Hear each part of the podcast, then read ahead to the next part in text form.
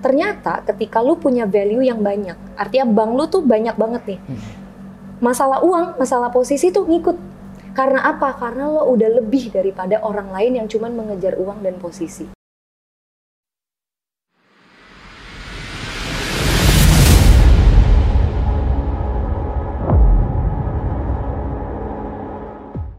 Industri kreatif adalah industri yang menciptakan daya kreatif dan daya cipta seorang individu. Industri kreatif juga dipandang semakin penting dalam pertumbuhan perekonomian. Banyak pihak yang mengatakan bahwa kreativitas adalah sumber daya manusia yang utama. Di sisi lain, memasuki tahun atau abad 2021 perkembangan akan tergantung kepada produksi pengetahuan melalui kreativitas dan inovasi. Gua Ingga Putra, di Pikes gua hari ini, gua akan ngobrolin tentang development bagi orang-orang atau individu-individu kreatif yang ada di balik kreativitas Indonesia bersama Hatching Academy.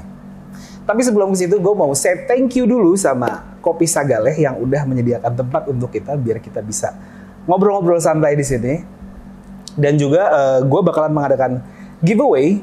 Giveaway-nya nanti term and condition itu ada di sini. Gue akan memberikan sneakers keren dari Ardiles. Nanti lu cek aja term and con- terms and condition ada di mana Gil? Enaknya di mana Gil? Sini apa di sini? Sini aja. Di sini nih, di sini nih, ada di sini gua. Lo cek term and condition di sini dan langsung pantau di Instagram kita.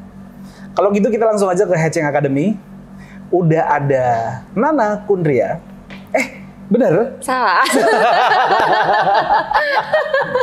Nih gue baca dulu. Nana Kuindra, Kuindra, selaku iya. Strategic Program Director dari Hatching Academy. Halo Nana. Hai. Sehat Indah. kabarnya? Sehat. Alhamdulillah. Gimana nak?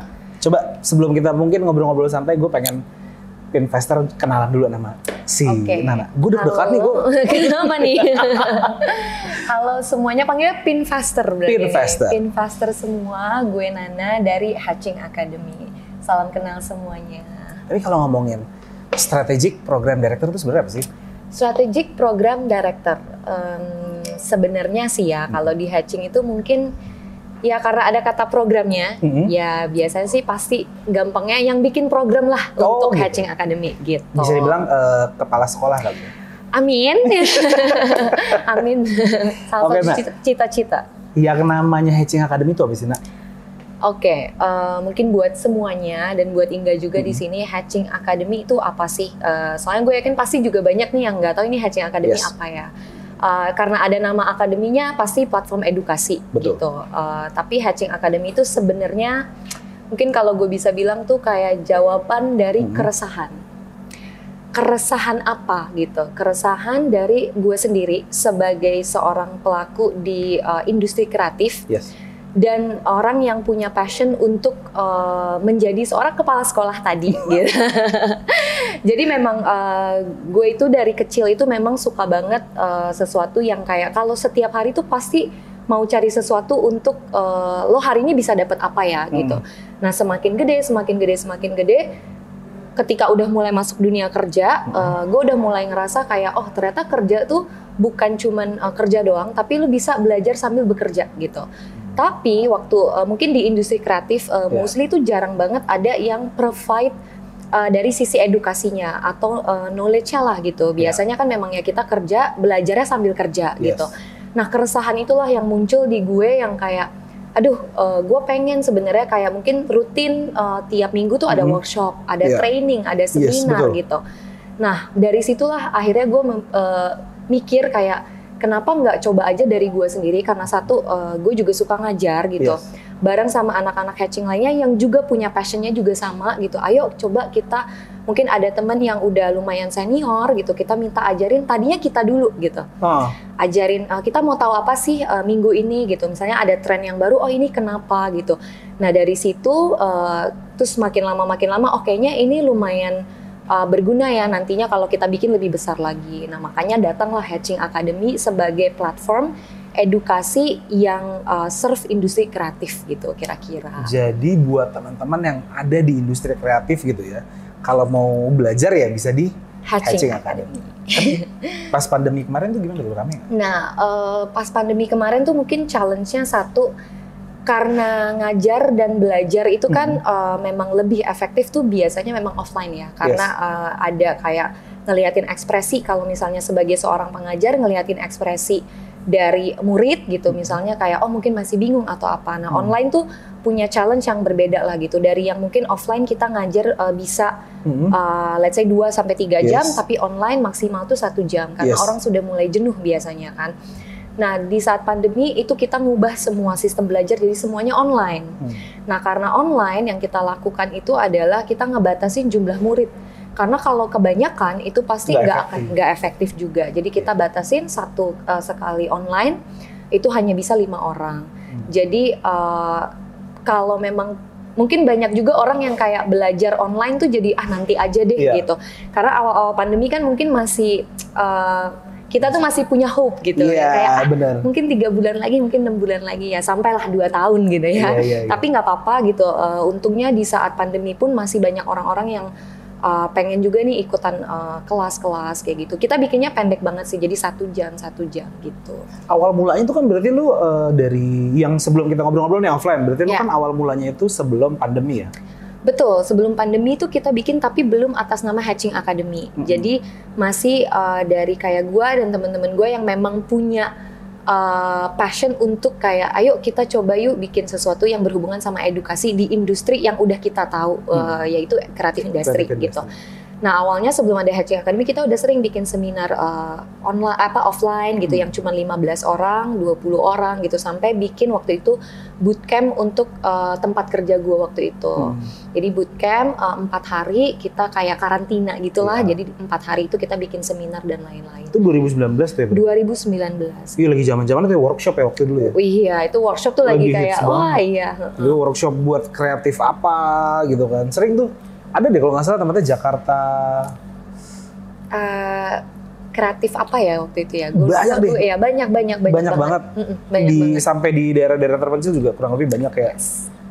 Eh, kreatif acara kreatif buat bikin let's say kayak gambar aja gitu atau enggak kayak misalkan kelas eh, PRing atau kelas Ada, uh, uh, uh, uh, kayak yang gitu-gitu. sempet gue ikut tuh kelas uh, justru karena gue tahu gue nggak bisa menggambar gitu Hmm. dan kayaknya memang skill di gue di Tapi kreatif lu tuh kayak gue jadinya ikutan. Nah itu workshop tuh yang kayak melukis Iya, gitu tiba-tiba. Uh, uh, kayak apa? iya, iya. Oh gitu. rajut ya sempet tuh. Sempat lo rajut. ikutan Uh, juga. Eh sempet lagi rame itu juga. sempat sempat masanya itu tahun 2019 ke bawah itu 2018 2019 kita lagi rame ngomongin soal workshop gitu. Yes, betul. Dan lo juga hadir di situ untuk memberikan Iya. Mm-mm, mm-mm. Keren. Coba gue lihat contekan gue lagi nih. Eh. Pertanyaannya lumayan banyak nih. Oke, rata-rata eh, berarti audiens lo itu kalau kita ngomongin ya, ini kan lo berarti bisa buat profesional dan bisa buat Students, mahasiswa. iya, nah, betul. kalau rata-rata tuh lo banyak yang mana nih sekarang? Sekarang sih eh, mungkin karena awalnya kita kan mulai dengan online kelas itu Hmm. eh, jadi Hatching Academy itu sebulan pas baru kita bikin terus pandemi gitu. Ya, Iya, makanya jadi semuanya berubah gitu kan. Jadi semua plan yang udah kita punya juga uh, harus kita ubah gitu, Hmm. menyesuaikan dengan situasi lah. Jadi kita bikin yang namanya Hatching Academy online class itu free uh, akses di YouTube Oke. uh, satu jam. Nah, topik yang kita ambil pun uh, lebih uh, topik-topik kreatif yang tidak terlalu uh, dalam lah gitu. Hmm. Mungkin uh, kenapa? Karena pertama tuh kita pengen orang tahu juga kayak industri kreatif tuh sebenarnya seperti apa sih? Kalau kita ngebahas yang terlalu teori banget gitu, yang terlalu praktikalnya mungkin yang udah-udah Itu dalam sih. Iya, terlalu dalam orang jadi makin bingung kreatif industri itu sebenarnya ngapain. Jadi kita mulai bahkan dengan uh, topik sesimpel kayak brainstorm untuk anak-anak kreatif yang mungkin bukan yang tepat yang benar tapi yang efektif tuh seperti apa. Jadi kita mulai seperti itu. Nah, karena mulainya topik yang seperti itu, makanya yang datang tuh banyak student sebenarnya. Students juga dan seben uh, di awal-awal tuh uh, students datang uh, untuk nonton pun kita nggak apa-apa karena di industri kreatif sendiri kita juga butuh students untuk menjadi next talents di industri kreatif ini sendiri gitu. Tapi literasi yang lokasi ke student tuh pasti beda dong sama yang profesional. Beda, beda. Yang profesional kita juga ada gitu, Hmm. tapi itu bentuknya bukan uh, satu jam, uh, bukan live juga, bukan di YouTube, tapi memang uh, tiga bulan gitu. Jadi memang secara spesifik mereka mau belajar apa, Kre- eh, misalnya copywriting gitu. Copywriting udah sangat spesifik di industri kreatif gitu kan. Nah itu yang kita kasih course-nya tiga bulan gitu. Dan yang ngajar juga udah uh, teori juga ada, praktikal juga Iya ada. tuh sampai gitu. ada lembu ya kalau nggak salah yang ngajar Ya, Lembu uh, sempat ngajar di online class. Di Iya. mana sih lembu sekarang Fortune ya? Enggak, Lembu sekarang di uh, FCN juga. Iya. Oh gitu, ya ya ya Halo, ya. Mas ya, Lembu. ya. Halo Mas Lembu. Tapi gue masih penasaran nih kalau misalkan kita ngomongin mahasiswa gitu. Gue sempet sekali gitu gue ngeliat di Instagram lu sempet mention tentang program internship. Yes. Itu Uh, gimana sih? Nah, program internship uh, mungkin kalau di luar sana ngelihatnya Hmm. ya ini mungkin program mencari anak intern gitu ya. Uh, Hmm. bahasa ini uh, apa translationnya kan seperti itu. Iya. Tapi kenapa program internship ini kita buat? Kalau misalnya orang yang udah uh, lama nih di industri kreatif itu tuh pasti tahu banget yang namanya cycle cycle buruknya industri kreatif Hmm. itu adalah uh, talent yang selalu loncat ke sana kemari gitu. Kenapa bisa begitu? Karena uh, industri kreatif itu talentnya itu bisa kita bilang makin ke sini tuh makin langka gitu. Kenapa sih makin langka? Padahal banyak banget mungkin anak-anak yang udah uh, passion dan driven by creativity gitu kan. Kenapa sih untuk industri ini tuh kok susah banget nyari talent gitu? Karena uh, ketika ditanya gitu, misalnya waktu itu ke salah satu kampus ditanya, nanti kalau udah lulus mau kerja di mana gitu? Hmm. Pasti semuanya jawab startup startup keren lah gitu Iya. uh, kenapa sih pengen kerja di startup itu gitu? Pasti jawabnya iya karena iklannya, campaignnya atau apanya tuh bagus-bagus gitu. kan. Tapi mereka tapi tahu nggak sih yang bikin itu siapa? Nah mereka akan jawab ya perusahaannya kali gitu. Padahal di belakang itu ada uh, industri kreatif atau uh, kreatif agency atau apa pun uh, butik dan lain-lain itu yang bekerja untuk menghasilkan output keren itu. Yang gitu. memikirkan ide-ide Iya, nah itu yang kita lihat, oh gapnya ternyata di situ. Makanya Hmm. banyak anak-anak muda itu akhirnya lari uh, bukan ke kreatif industri uh, seperti uh, agency ataupun advertising ataupun apa pun itu, tapi lebih ke perusahaannya. Hmm. Nah yang akhirnya pas di perusahaan mereka ngerasa, oh kok nggak ikutan ya bikin Hmm. kayak gitu gitu. Karena ya memang mungkin uh, peng- uh, pengetahuan mereka untuk ini kerjanya apa, ini kerjanya apa tuh uh, belum belum belum belum terlalu ke expose lah gitu. Nah makanya kayak uh, apa tadi apa ya pertanyaannya ya aku sampai lupa gitu. Program internship. Program internship ya. Nah, makanya program internship ini tuh kita buka juga untuk anak-anak eh, kuliah supaya mereka tuh bisa langsung terekspos sama dunia kreatif tuh sebenarnya seperti apa. Jadi Hmm. mereka benar-benar tahu kalau copywriter tuh kerjain apa sih. Hmm. Kalau mau jadi strategis tuh kerjain apa. Kalau eh, mau kerjain yang brand communication tuh ngapain gitu. Hmm. Nah, makanya itu yang kita buka supaya ketik nantinya eh, ketika program internship ini udah berjalan terus berjalan terus ke depannya tuh nggak ada lagi tuh yang loncat-loncat nggak ada lagi yang Hmm. ah ambil aja deh dari perusahaan itu ambil aja karena Iya, iya. eh, mungkin beberapa tahun belakangan ini yang terjadi adalah seperti itu Comot-comotan gitu. gitu. comot-comotan Tapi kalau anak-anak kuliah ini gitu, lu bagaimana lu ngasih tahu ke anak-anak kuliah ini bahwa lu ada loh program ini gitu loh. oke Apakah lu terjun ke kampus-kampus lu promosiin misalnya? Iya kayak gitu. Eh, kalau yang ke kampus-kampus itu sebenarnya ada di plannya cuman itu eh, kita tuh pengennya tadi bikinnya offline I see. Karena kalau online lagi-lagi pasti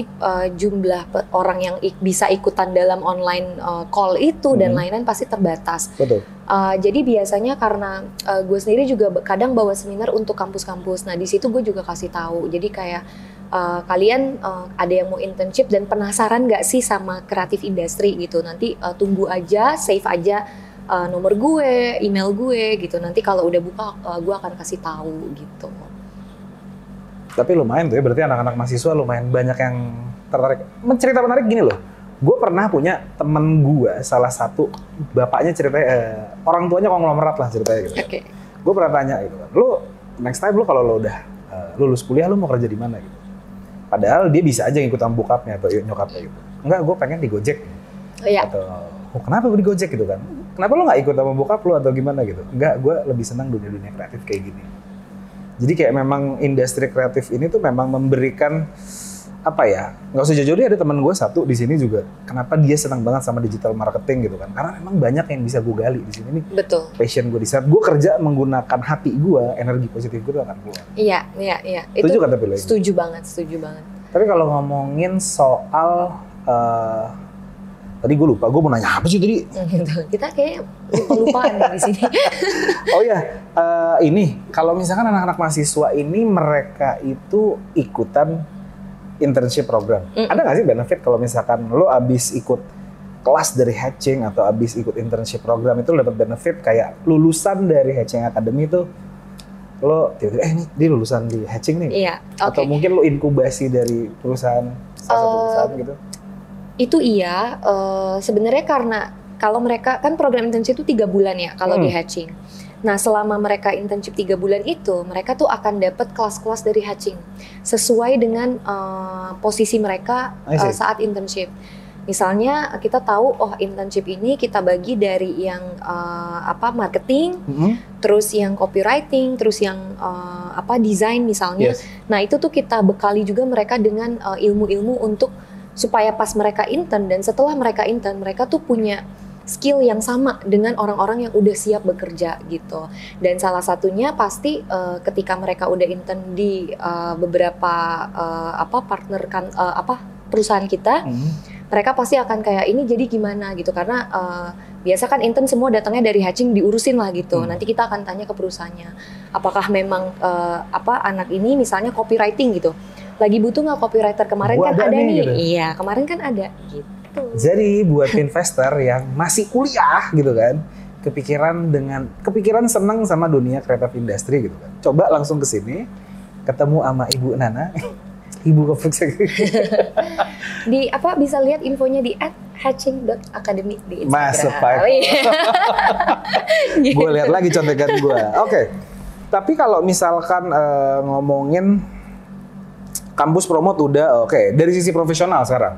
Oke. Dari sisi profesional itu kalau kita mau join kelas gitu ya, misalnya, itu kelas-kelasnya spesifik banget kah atau Kalau kelas yang untuk professionals Hmm. itu eh, lumayan spesifik sih, Hmm. tapi kita mulai dari biasanya industri kreatif tuh akan memerlukan apa yang Ya. kira-kira semuanya tuh bisa bisa bisa ada lah kesempatannya Hmm. gitu. Jadi eh, yang pertama kita buka tuh ada digital marketing, Mhm. Uh, copywriting sama uh, art directing ini yang berhubungan sama visual gitu. Hmm. Nah, kenapa tiga ini yang kita buka di uh, batch satu? Karena uh, tiga ini tuh kalau misalnya nggak ngomongin advertising Hmm. ataupun kreatif butik itu bisa di mana-mana kok Ya. gitu. Karena sekarang udah banyak banget brand yang perusahaan-perusahaan startup juga yang udah bikin digital sendiri. Hmm. Nah, kalau udah punya digital sendiri, biasanya pasti mereka akan punya tim digital marketing sendiri. Nah, dari situ eh, makanya modulnya pun kita kasih sebenarnya nggak terlalu yang sangat agency atau nggak sangat yang Hmm. kayak cuman agency doang yang bisa pakai enggak juga gitu. Tapi kita juga kita kasih juga modul-modul yang mereka bisa apply ketika mereka kerja di brand atau di perusahaan-perusahaan lain kayak gitu sih. Hmm, menarik ya. Berarti lo tadi sempat juga mention ngomongin soal ini kan berarti tadi yang baru saya bilang adalah kelas yang berbayar gitu. Yes, betul. Nah, kan ada juga kelas yang free gitu. Betul. Lo pernah denger gak sih eh, dari mereka gitu? Kira-kira eh, apa sih harapan mereka gitu setelah mereka ikut kelas lo gitu? Oke, jadi eh, kebetulan karena batch eh, satu itu kelas digital marketing itu kelasnya gue juga gitu. Hmm. Jadi gue juga ngajar di situ. Yes. Nah, biasanya setiap sesi karena kan itu ada 12 pertemuan. Iya. Di setiap pertemuan tuh gue bertanya kayak oke hari ini kita kan belajar seperti ini. Nah, ada nggak sih yang bisa kalian apply karena mostly kan professionals ya. Hmm. Waktu itu ada di kelas eh, gue satu masih mahasiswa ada Iya. gitu. Eh, ada nggak sih yang bisa kalian apply nih kira-kira Hmm. gitu. Terus mereka kayak oh coba deh nanti lihat minggu depannya gue akan tanya Ya. dari uh, modul yang kemarin uh, udah ada yang bisa di-apply belum? Kadang ada juga yang share kayak, oh ada kak aku kemarin pakai ini untuk ngerjain uh, apa project aku yang ini ternyata Ya. bisa apa segala macam. Nah jadi uh, itu sebenarnya tergantung mentor dan uh, apa pemberi materinya Hmm. juga gitu untuk make sure kalau apa yang mereka mau tuh bisa gitu. Karena kadang orang uh, satu kelas lima orang gitu misalnya bisa aja beda-beda nih. Ada yang cuman kayak oh sebenarnya aku cuman pengen tahu biar ketika aku kerja sama tim digital marketing aku bisa mengerti apa yang mereka mau. Itu Yes. kan beda. Tapi ada juga oh iya Kak, aku setelah keluar dari sini aku pengen bisa langsung kerja jadi seorang digital marketers gitu. Hmm. Nah, itu tuh yang uh, kita punya punya uh, uh, trackingnya lah gitu. Jadi kayak oh apakah anak ini udah bisa gitu. Dan sampai sekarang pun setelah kelasnya selesai pun tetap gue tanya gitu. Wih. Jadi gimana gitu? Apakah udah uh, udah mau apply belum nih? Hmm. Kalau mau apply, kadang dia nanya kak, kalau aku mau apply biar kelihatan keren dan spo- uh, bisa bisa ke spotlight nih gimana gitu. Nah karena itu salah satu uh, benefit yang mereka juga kan mereka udah bayar gitu. Iya. Jadi bukan cuman kayak bayar terus kita kasih modul ya udah gitu, tapi memang tujuan hatching dari awal adalah membantu setiap individu itu memang uh, ujung-ujungnya ya lo harus dapat apa yang lo mau tadi Yes. Gitu. Gue pernah sih ikut salah satu kelas gitu kan, kelas PRing dulu, karena kebetulan gue juga memerlukan kelas PRing juga. gue ya. Ibu paham lah gue ya. mereka tuh pada saat gue apply gitu, mereka nanya, lo kenapa perlu kelas ini? Oke. Mereka akan tanya gitu, oh karena gue mau nyari kayak gini, Mereka akan ngasih gue yang kayak, oh be- better lo ngambil kelas ini aja. Ya, ya, ya. Sama di Heceng Academy Betul. juga. Mm-mm, mm-mm. Oh. Kadang kan ada yang masih eh, bingung ya gitu Hmm. ya kayak aku tuh sebenarnya kerjaannya tuh eh, desain kak Mm-mm. gitu misalnya, tapi aku tuh pengen banget belajar digital marketing gitu. Mm-mm. Nah aku bingung aku harus kayak gimana ya. Nah itu biasa memang kita eh, interview lagi anaknya Iya. gitu. Tapi setelah dari sini kamu pengennya ke mana? Atau kamu mau tahu dulu Iya. digital marketing nanti baru kamu desain. Hmm. Nah itu nggak apa-apa kalau memang eh, dari awal interestnya untuk tahu dulu Hmm. nanti dia baru memilih itu juga kita bantu oh ternyata nanti dia nanya kak menurut kakak dari kan kita ada tugas gitu kan Iya. dari tugas ini aku bisa nggak gitu atau gimana atau gimana atau aku harus belajar lagi atau apa itu memang eh, dari situ udah kita kasih tahu gitu Jadi emang care banget ya si Heceng Academy ini ya. Dari A sampai Z diurusin loh, beneran loh. iya Ke depannya bakal ada project, ah, buah, ke depannya bakal ada project apa sih? Eh, ke depannya kita lagi siapin eh, kalau untuk eh, eksternal itu Hmm. yang pastinya eh, kalian semua yang sekarang lagi di kampus eh, Yes. mahasiswa-mahasiswa kita lagi siapin untuk eh, roadshow ke kampus-kampus juga gitu untuk kenalin eh, Hatching Academy itu sendiri plus eh, kita lagi pengen pro- bikin program sama kalian-kalian yang lagi menjadi mahasiswa jadi Dan ini- ditunggu aja ya Ingat ya benefitnya, ada benefitnya loh kalau masuk Heceng Academy. betul Luar biasa. Tapi kalau misalkan ya, sekarang kita ngomongin, eh, tadi gue ngomongin apa sih? Oh tadi gue udah ngomongin pro- next project gitu kan. Yang baru ini kan terakhir kan program internship gitu kan. Iya. Tapi kalau misalkan ditanya, ini tuh merupakan edutech nggak ya? Kalau edutech eh, mungkin berbeda ya gitu. Hmm. Eh, kenapa gue bisa bilang berbeda? Karena eh, kita sendiri tuh bikin modul juga. Ya. Kita bikin platformnya, eh, Hmm. tapi memang belum ada aplikasi ataupun website yang menaungi semua konten-konten itu. Makanya eh, mungkin dari sisi gue, gue nggak bisa bilang ini edutech gitu. Hmm. Tapi as a platform iya gitu Oke. dan yang kita fokusin mungkin bukan lebih ke uh, bentuk dari platform itu yang nantinya jadi aplikasi atau jadi Mhm. website atau jadi apa tapi lebih ke kontennya dulu nih Betul. modulnya dulu karena uh, mungkin banyak di luar sana yang uh, punya punya kelas juga mungkin mereka juga ikut kelas lain kelas lain tapi gimana caranya kita tuh bikin modul bukan cuman untuk jualan tapi kita bikin modul yang bisa memang memenuhi apa sih kebutuhan mereka semua ini Betul. gitu jadi memang fokusnya masih ke situ dulu sih Ke depannya tapi lo ada kepikiran ya? ada ke depannya akan eh, akan ada karena memang ya, teknologi itu eh, nggak bisa dibohongin ya gitu Ya. Eh, seiring berjalannya waktu perkembangan eh, digital dan teknologi itu nggak bisa di kayak ah gitu Iya. Benar, benar, benar. harus dilihat juga dan harus kita combine juga nih karena itu lumayan membantu gitu Ma- banyak lah edutech yang sebenarnya udah gede banget dan impactnya juga gede banget gitu Betul. jadi memang kalau ke depannya ke sana ya iya gitu Amin. amin Mau nih, gue tanya lagi nih ya. Munculnya disrupsi teknologi digital yang mengubah berbagai aspek kehidupan masyarakat, termasuk di bidang pendidikan. Nah, kira-kira menurut lo, in the next five years, in the next five years kira-kira bakal kayak gimana? edukasi dan yang ber, apa d- teknologi digital ini Mm-mm. gitu ya. Next five years. Ini mungkin dari perspektif eh, perspektif gue ya gitu. Kalau misalnya ngomongin industrinya gitu, ya pasti semua eh, edutech itu akan menjadi landasannya ya gitu. eh, akan menjadi landasan di edukasi apa pun. Mungkin bukan cuma eh, kreatif industri, tapi sekolah bahkan Yes. ke depannya. Tapi kalau dari sisi gue tuh ngelihatnya lima tahun ke depan, edukasi itu harusnya tidak sesusah ini untuk diakses. Karena kenapa gue bilang susah? Karena untuk gue sendiri, gue itu ada plan memang untuk uh, memperkaya uh, apa pengetahuan gue lagi dengan sekolah gitu. Dengan adanya edutech dan lain, apakah membantu? Iya. Tapi masih ada uh, lah, masih ada proses yang kayak duh ini tuh harusnya nggak kayak gini ya atau atau keribetan ini tuh harusnya nggak terjadi dan mungkin pernah dengar quotes di mana uh, education should be free gitu kan. Nah gue berharapnya lima tahun ke depan education kita tuh bisa lebih mudah diakses yang pastinya free access untuk semua kalangan yang ada di Indonesia. Hmm. Gue ngomongin Indonesia dulu gitu. Karena Indonesia sendiri edukasi kita juga belum belum uh, semudah itu untuk diakses. Hmm. Tapi gue berharap dengan adanya teknologi digital lima tahun ke depan edukasi kita itu udah kayak makan lah gitu. Amin. Amin, amin, amin, amin. amin. Tapi kalau ngomongin free ya, mengeluarkan uang untuk ikutan kelas edukasi, menurut itu sebuah investasi atau bukan? Oke, okay. ini tuh uh, banyak banget menjadi perdebatan ya kok kayak mau belajar mesti bayar gitu hmm. kok ini gitu. Kalau dibilang apakah itu investasi, gue selalu bilang iya apalagi untuk kalian yang uh, masih muda gitu yang masih pengen ca uh, cari tahu gitu kayak mau kerja di mana mau kerja apa dan lain-lain gue selalu kayak berpesan lah gitu gue bukan siapa-siapa gitu tapi gue mau berpesan aja kalau ketika kalian udah mau mulai kayak uh, kerja mencari pengalaman dan lain jangan pernah yang dicari pertama adalah uang yes kedua jangan pernah mencari posisi yang dicari itu adalah bank dulu nih untuk nabung dulu di bank kalian gitu.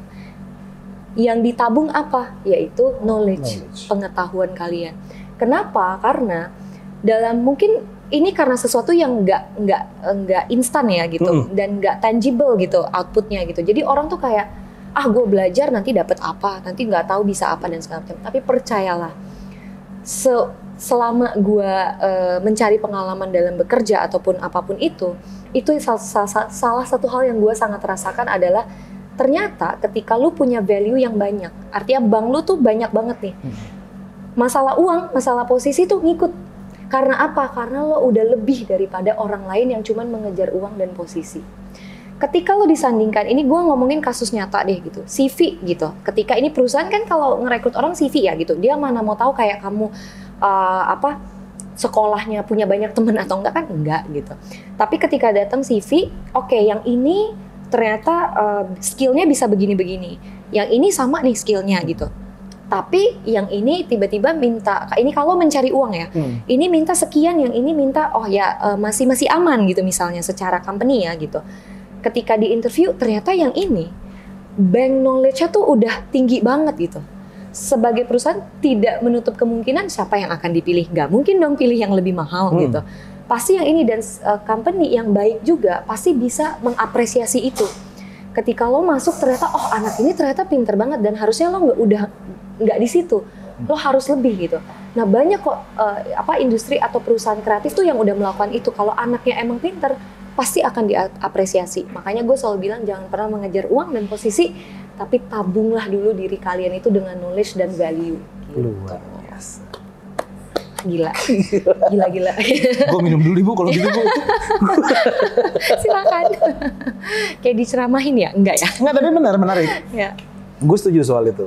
Jadi yang penting itu value. Value, betul. Tapi kalau gue masih mau ngomongin investasi boleh nggak? Boleh, boleh, boleh banget. ya. Boleh. lo kalau investasi nih ngomongin investasi, lo udah investasi nggak? Investasi, uh, investasi dalam bentuk apa nih? Yang menghasilkan uang kah atau yang menghasilkan tadi? Yang menghasilkan uang. yang menghasilkan uang, uh, yang pasti iya, investasi iya. Kalau boleh tahu dalam bentuk apa sekarang? Investasi, jadi gue buk, uh, gue itu orang yang tidak uh, tidak suka mengambil resiko. Oke. Okay. Jadi investasi gue tidak pernah yang high risk. Gitu. itu gue jujur tiba-tiba. Jadi investasi gue memang sesuatu yang gue lihat nilainya itu bisa bertahan lumayan lama. Jadi hmm. bukan mungkin pasti sekarang kan uh, trading dan lain tuh wah yeah. gila banget. Gue gue tidak tidak di situ gitu. Jadi uh, itu bukan artinya gue tidak mau, gue mau tapi gue belum melihat ke sana gitu. Tapi mungkin buat semua orang uh, kalau memang kalian punya jiwa uh, yang tidak rentan dengan high risk gitu silahkan dicoba karena udah banyak banget yang yang muncul kan sekarang gitu cuman gue tahu kayak capacity gue kayak gue takut terkejut gitu yeah, dan yeah, shock yeah. dan lain-lain jadi gue tidak tapi dengan lu bikin hatching academy ini bareng iya itu juga salah satu investasi yang uh, tidak high risk, high risk juga iya, Iya. mungkin tidak juga iya gitu. ya Jadi itu salah ada- satu investasi. Ada phrase berarti begini ya, if you good at something, never do it for free. Iya. Hmm, iya gitu. Hmm, iya. Ini bucket list yang belum kesampaian nggak buat lo sekarang? Eh, yang dalam waktu dekat ada. Mm-mm. Dalam waktu dekat itu adalah dari tahun lalu gue pengen banget eh, sekolah lagi. Mm-mm. Karena gimana pun ketika lo bikin platform edukasi Iya. bukan berarti gue juga berhenti belajar gitu, tapi gue pengen sekolah lagi. Jadi sampai detik ini gue masih mencari-mencari dan salah. Jadi gue tuh datang eh, dari background komunikasi kan. Yes. Yang pengen gue cari itu adalah bidang uh, education teknologinya gitu. Jadi itu salah satu bucket list gue yang pengen gue ambil dalam waktu dekat gitu. Amin. Mudah-mudahan tercapai Amin. sebelum gua tutup nih diskusi santai kita ini. Ini last word dari lo mungkin yang pengen lo sampaikan ke investor. Am am am am am. Minum dulu ibu, monggo silakan. aman.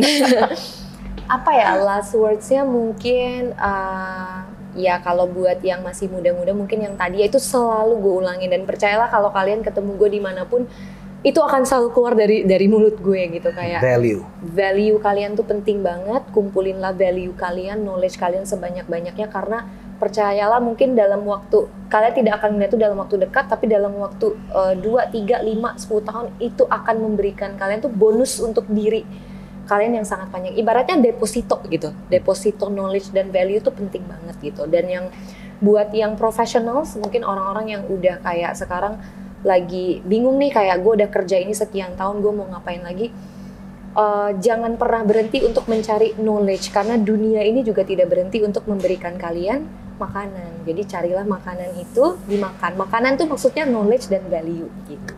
Biasa. Nana, ya Allah, thank you banget lo Nana udah mampir-mampir ke Goyang. sini. Thank you, thank you, thank you. Udah menyempatkan waktunya untuk datang ke sini macet-macetan. Iya, gitu. Dan buat investor, berarti eh, kita udah di ujung acara. Jangan lupa nonton ngobrol-ngobrol santai kita dengan narasumber yang pastinya memberikan inspirasi dan menambah wawasan. Jangan lupa di like, di subscribe, di share, dan di komen. Kalau gitu gue Ingga Putra, Nana, kita mohon undur diri sampai jumpa di PK selanjutnya.